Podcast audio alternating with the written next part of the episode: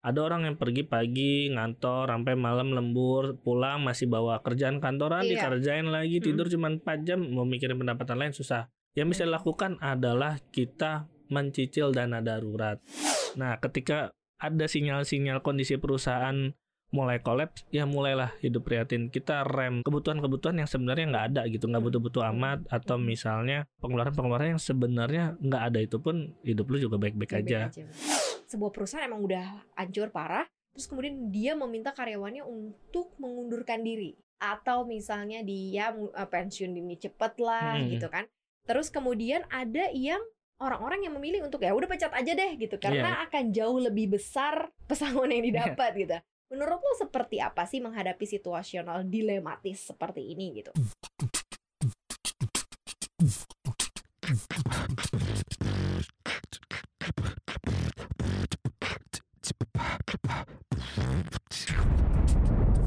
Cuap-cuap cuan. Halo Sobat Cuan, apa kabar? Selamat datang di podcast Cuap Cuap Cuan Semoga Sobat Cuan selalu dalam kondisi yang sehat, bahagia, sejahtera pokoknya ya Senang sekali kita ketemu di Talk with Expert bareng dengan Roberto Sadiratu Seri Financial. Expert CNBC Indonesia Kita akan ngobrolin hal yang lumayan, apa ya Agak-agak eh, pinggir jurang ya Pinggir jurang Suka nih Sobat Cuan, biasanya suka pinggir-pinggir jurang ya Sobat Cuan, Eh, pernah nggak sih ngerasa di situasional mungkin ya, ini sobat cuan yang berkarir di kantor ya, pernah ngerasa bahwa wow, there's something happen nih dengan kantor gue dan kayaknya gue harus mulai mengatur strategi. Ya. Dan ini sebenarnya sih sering banget terjadi ya, kapan nggak ya? Karena kan eh, apalagi perusahaan yang sedang menjalankan usaha, usahanya mungkin nggak terlalu bagus-bagus Iya. banget. Efisiensi dalam tanda kutip itu suka dilakukan perusahaan Oh iya. dan ya efisiensi yang paling cepat adalah adalah mengurangi jumlah karyawan. Itu yang paling cepat dan paling suka diambil. Tapi kadang kita suka suka nggak ketrek nih perusahaan Mm-mm. kita nih masih gimana gitu ya. Cuma sebelum kita bahas ke sana menurut lo nih Mas Robert depend on satu penghasilan aja di seka, di zaman sekarang ini kayaknya berat gak sih? Berat. kalau misalnya kita kayak kerja kantor aja gitu kan. Kalau zaman dulu soalnya zaman nyokap nyokap kita orang tua kita kerja kantoran tuh udah yang high level Iya, banget iya. ya sih pergi ke Iya, kantor gitu ya tapi kita juga hampir rata-rata dulu tuh kayaknya nggak pernah kepikiran Mm-mm. selain ada Krismon yang terus kemudian membuat usaha hancur ya waktu Iya. itu kayaknya ya oke aja gitu Mm-mm. running well gitu tapi kayak sekarang susah ya Iya, eh susah zaman sekarang kayaknya hidup dari satu penghasilan aja ya. Mm-mm. Perlu penghasilan tambahan. Tapi beruntungnya cari penghasilan tambahan sekarang bisa di mana aja. Mhm. Bisa dilakukan Bisa ya. dilakukan eh, kita nggak bilang gampang ya tapi bisa dilakukan bisa dilakukan karena lebih banyak channelnya. Mm-mm. Mau online, mau media sosial, via apa itu segala macam bisa. Mhm. Itu eh, kemudian mungkin eh, ada positif negatifnya ya. Tapi kalau misalnya pertanyaannya adalah bisa gak hidup dari satu penghasilan zaman sekarang? Enggak. Banyak sekarang yang kemudian pasangan suami istri itu joint income. Mhm. Itu adalah cara bagi mereka yang terbaik untuk kemudian bertahan. Eh, suaminya bekerja, istrinya bekerja, pendapatannya digabung, itu menjadi aset bersama Mhm. itu uh, Mhm. salah satu caranya.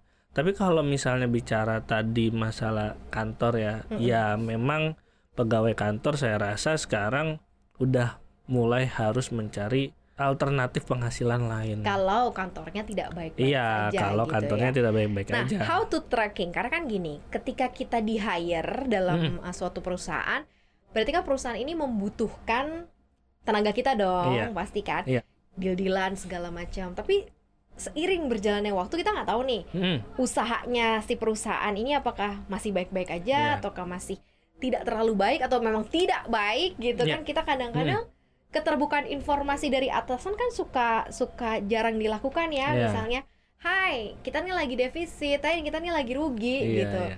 itu biasanya mungkin ada beberapa kantor yang konvensional tidak memberitahukan itu. Mm. tiba-tiba kita rugi aja terus tiba-tiba ada pengurangan. Nah perlu nggak sih kita punya identifikasi awal gitu? Apakah nih identifikasinya menurut lo?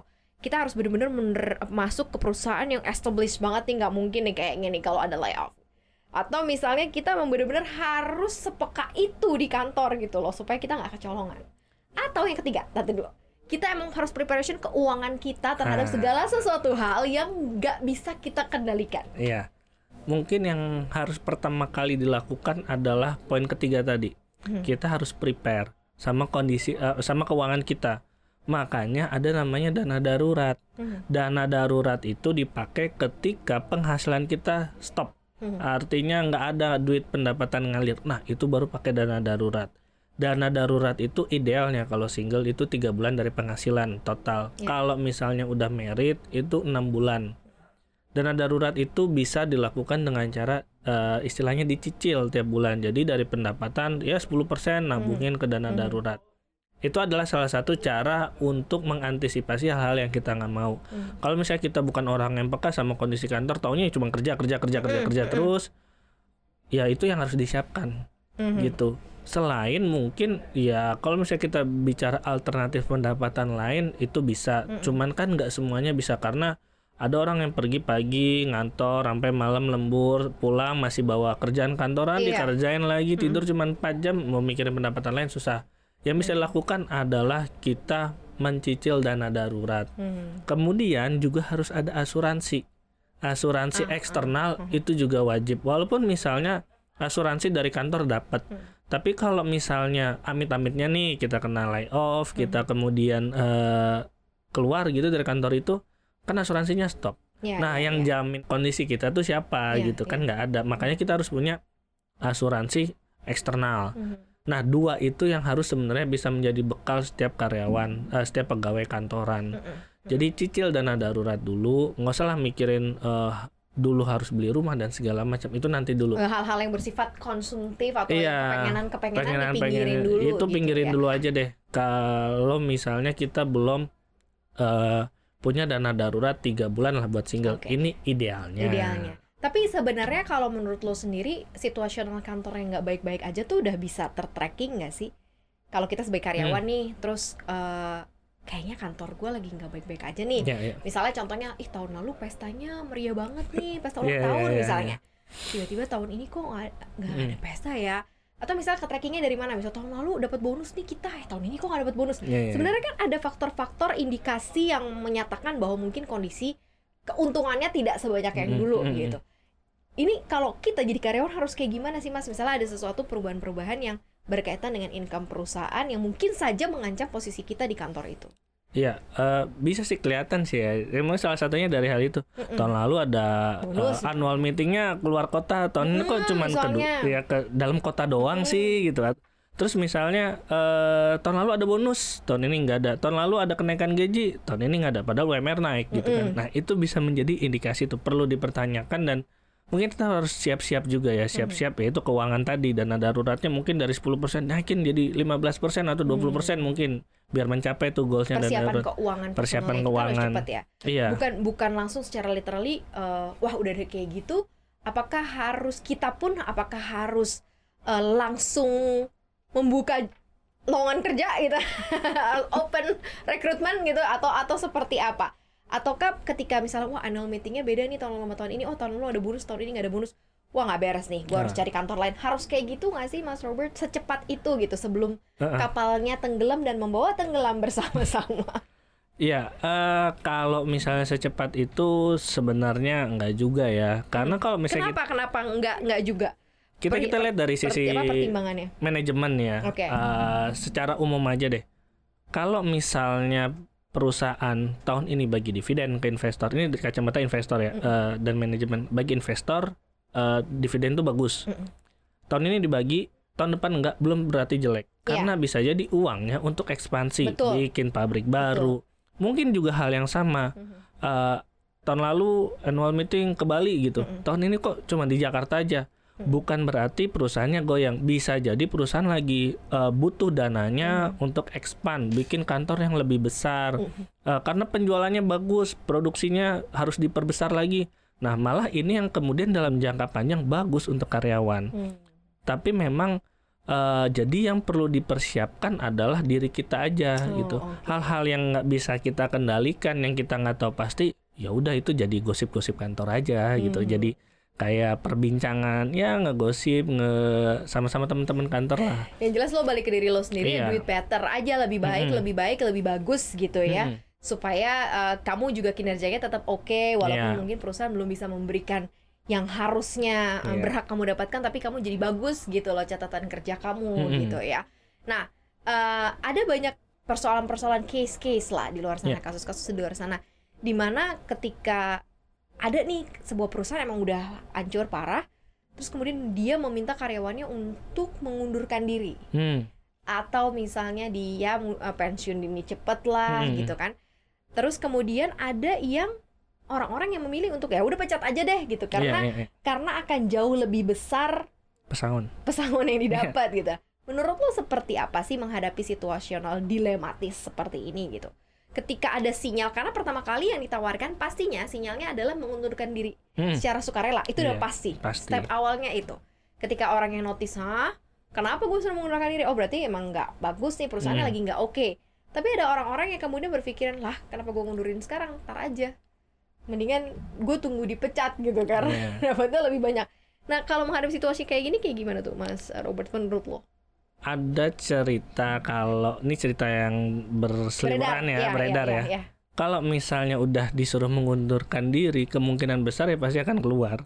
Dengan bagaimana caranya? Karena bisa jadi eh, treatmentnya yang mungkin mendadak tiba-tiba suruh mengundurkan diri, kemudian dinego-nego, akhirnya harus keluar gitu. Hmm, Atau kayak bentuknya himbauan, himbauan kepada karyawan semua Eh, bagi yang mau eh, karena situasional karena jadi silakan mengundurkan diri. Jadi himbauan, jadi tidak ditujukan ke satu orang. Kayaknya kalau menurut yang berseliweran itu nggak himbauan Enggak ya. ya? Jadi langsung dipanggil jadi ke personal kantor ya, ke lo ya, gitu ya. Iya. Lo datang hari ini jam segini, udah tanda tangan nih surat pengunduran pengunduran diri. Kalau misalnya masih mau di sini gaji lu cuma sekian. Pilih mana? Nah, disuruh memilih akhirnya ya Udah, udahlah mengundurkan diri, diri aja. aja. Itu yang berseliweran kayak gitu. Mhm. Ya, tapi kalau misalnya ada himbauan, ada eh, evaluasi segala macam, ya normalnya bagusnya adalah kemudian oke berarti ini ada teguran, Mhm. ya gua harus lebih baik lagi ke- kinerjanya, kerjanya, Mhm. performa Mhm. di kantornya Mhm. supaya eh, kemudian hari himbauan-himbauan kayak gini nggak dialamatkan ke gua dan gua pede oh kinerja gua bagus masa gua dikeluarin jadi kayak eh, ada simbiosis ya kan perusahaan gaji kita Mhm. ya kita harus kasih best effortnya sesuai dengan eh, yang diperlukan dan dibutuhkan Iya, perusahaan iya. gitu kalau misalnya kita sampai dapat himbauan atau misalnya dapat eh, peringatan udah lalu keluar aja. Kan bisa jadi performa kita memang Mhm. kurang bagus kurang bisa diharapkan. Kalau misalnya masih ada kesempatan ya perbaikin. Tapi jangan buru-buru langsung udah aku cari tempat lain. Belum Hmm. tentu eh, ketika misalnya performa lu jelek di kantor dan lu dapat kayak gitu memutuskan untuk resign Mhm. mengundurkan diri belum tentu perusahaan yang akan lu dapat itu lebih bagus. Karena kan yang dilihat performa juga kan Oh, jadi performa secara pribadi kita Iya. gitu ya. Tapi by the way ada waktu itu soalnya perusahaan yang memang me- memberikan uh, pengumuman himbauan untuk oh iya untuk mengundurkan diri gitu karena memang kondisinya udah kolaps, Iya. sudah kolaps Iya. parah gitu ya. Jadi ditawarin nih mau mengundurkan diri atau mau yang uh, apa nunggu step berikutnya gitu ya. Tapi dengan dengan kejadian ya yang mengundurkan diri ya istilahnya selesai, yang masih bertahan ya gajinya dibayarnya kayak dua bulan sekali, tiga iya, bulan iya, sekali iya, iya, gitu. iya. Jadi lo mau bertahan dengan Iya, situasi iya. itu atau lebih memilih lo cabut Mm-mm. dan lo cari kerjaan lain. Jadi ini agak-agak dilematis, kan. iya Berarti kan ini kondisi perusahaannya benar-benar tidak Mm-mm. baik-baik aja kan. kalau misalnya ngeliat kayak zaman covid ya yang Mhm. umum itu eh lu pilih bertahan di perusahaan ini tapi gaji lu cuma 10% Mm-mm. atau pilih cabut sekarang Mhm. masalahnya kalau cabut belum tentu ada perusahaan yang mau nerima kalau di sini emang nggak mau harus terima potongan gaji Mm-mm. ya itu pilihan yang dilematis sangat sulit kalau misalnya kita udah ada dana darurat tadi Balik lagi ke mungkin situ ya. iya balik lagi ke itu Eh, mungkin pilihan itu menjadi yang tidak sekritis itu karena gue punya dana darurat 6 bulan Mhm. oke gue nggak ada penghasilan 6 bulan nggak apa-apa gue masih bisa cari gitu Mhm. di situ entah itu akhirnya dia freelance dia bangun usaha sendiri atau eh, kerja kantoran lagi tapi masih ada pendapatan. Kan yang bikin dilematis adalah nggak ada income. Hmm. gue makan apa nih? Bayar cicilan gimana? Bayar sewa rumah gimana? Mhm. tapi kalau misalnya kita udah ada bempernya Iya. dana darurat itu eh gue rasa itu tidak akan kemudian jadi yang se- serumit itu. Betul, betul. mau keluar oh ya nggak apa-apa. Gue masih ada dana darurat 6 bulan 7 bulan gue masih bisa hidup kok selama enam bulan ke depan jadi nggak masalah ya udah kalau misalnya lu nggak mau sama gue lagi gue cari yang lain Mhm. masalah pendapatan oh, ya udah nggak apa-apa gue masih ada dana darurat santai Hmm. asuransi gue juga ada gitu Iya, asuransi pribadi yang gue Mm-mm. bayar sendiri pun juga iya ada. jadi kalau gitu misalnya sewaktu-waktu misalnya ada musibah ada kecelakaan kendaraannya rusak apa segala macam asuransi gue udah cover gue sakit ya udah asuransi juga udah cover jadi mungkin lebih tenang ya. mungkin jauh lebih Iya. tenang ya. Karena itu sesuatu hal yang tidak bisa kita duga-duga, sobat Iya. cuan. Mungkin sobat cuan gabung di satu perusahaan tertentu itu baik-baik aja Mm-mm. perusahaannya dan lagi oke banget gitu ya running usahanya. Tapi Mm. perjalanan dalam bisnis kan kita nggak ada yang ada pernah yang tahu ya. tahu. Seberapa khawatir kita waktu pas covid, apa dibayar full, apa Mm-mm. dibayar setengah. Itu juga pasti memberikan kekhawatiran sendiri terhadap kestabilan keuangan kita Iya. pastinya ya.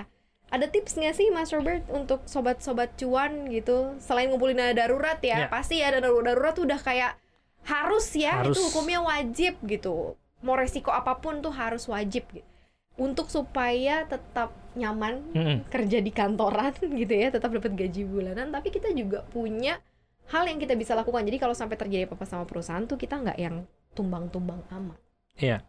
Eh kalau kayak gitu mungkin bisa cari alternatif income. Mhm, Itu pertama. mhm. Tapi yang paling penting kita harus peka juga sih eh, sama kondisi perusahaan dan secara umum. Misalnya ada beberapa sektor ketika teknologi ini makin berkembang, eh, karyawan itu mungkin akan semakin berkurang. Nah, kita juga harus peka tuh, harus baca-baca hal tersebut dan eh, karena berarti eh, trennya adalah teknologi. Berarti apa yang bisa dilakukan? Ia menguasai teknologinya Mhm. Dan kita bisa cari alternatif uh, income dari situ. Kemudian kita juga uh, mungkin sebagai karyawan, ya mau nggak mau kita harus lebih lebih uh, kalau zaman dulu itu ada namanya hidup prihatin ya. Mhm. Nah ketika ada sinyal-sinyal kondisi perusahaan mulai kolaps, ya mulailah hidup prihatin. Kita rem semua, eh, nggak semua lah, rem kebutuhan-kebutuhan yang sebenarnya nggak ada gitu, nggak butuh-butuh amat atau misalnya eh, pengeluaran-pengeluaran yang sebenarnya nggak ada itu pun hidup lu juga baik-baik aja. Bener. Nah itu mulai direm tuh kayak gitu. Dan eh, ya mungkin cara lain adalah mulai cari alternatif pekerjaan lain Hmm. gitu. Itu Nambah Iya. skill mungkin juga bisa kali Iya, ya nambah supaya skill juga terbuka bisa. peluang yang lain Hmm, juga ya. hmm. Eh, sekarang freelance aja ada kok situs-situsnya gitu kalau misalnya buat nambah-nambah, Hmm. buat eh, ningkatin skill juga kan bisa dari freelance. Kemudian edukasi-edukasi les eh, yang kasih les misalnya Inggris secara online juga gampang, mudah-mudah diakses. Kalau misalnya kita skillnya nambah, gue setuju sih eh, nambah skill. Kita di perusahaan ini dan kita mau loncat ke perusahaan yang berikutnya mungkin akan lebih gede kalau skill kita juga bertambah. Jadi selain keuangan, skill kita juga harus peka dan juga kita harus ya prepare dari Hmm. segi keuangan, dari segi eh, kesehatan, yaitu Iya, tadi asuransi iya, iya. dan eh, ya kemampuan. Mhm. Itulah ya kenapa uh, banyak hal yang kita kadang nggak pernah bisa tahu dan prediksi Ya. di kemudian hari itu terjadinya akan seperti apa sama sekali sama seperti sobat cuan sekarang kerja di kantor yang mungkin baik-baik aja Ya. kita nggak tahu nanti ke depannya akan seperti apa jadi makanya bersiap-siap preparation terhadap segala hal-hal dan kemungkinan itu kayaknya paling penting banget Iya. gitu ya untuk dilakukan ya dan mudah-mudahan setelah dengar ini ya sobat cuan makin tahu lagi nih eh, apa yang harus dilakukan ya stepnya ya makanya kinerja kita yang baik itu juga mendukung keberhasilan perusahaan juga gitu. jadi kontribusi kamu tuh sangat-sangat dibutuhkan sebenarnya jadi bukan karena ah gak ada gue juga baik-baik aja iya tapi ketika kamu bekerja di situ kontribusi kamu performa kamu yang baik pun Iya. juga akan berkontribusi terhadap perkembangan perusahaan dan juga eh, kestabilan perusahaan pastinya ya kan kalau perusahaannya lifetime berkembang eh, panjang kan kamu juga yang untung Iya. sih kita kita juga Iya, nggak iya. sih yang untung bisa sampai pensiun ya moga-moga sobat cuan baik-baik aja di tempat kerja yang masing-masing ya Terima kasih udah dengerin kita hari ini. Jangan lupa untuk dengerin konten podcast kita lainnya di Apple Podcast, Google Podcast, Spotify, dan Anchor. Follow akun Instagram kita di @cuap underscore cuan dan subscribe YouTube channel kita di cuap cuap cuan. Like, share, dan juga komen. Thank you banget ya Sobat Cuan. Kapan-kapan ketemu lagi. Maria Robert pamit. Bye-bye.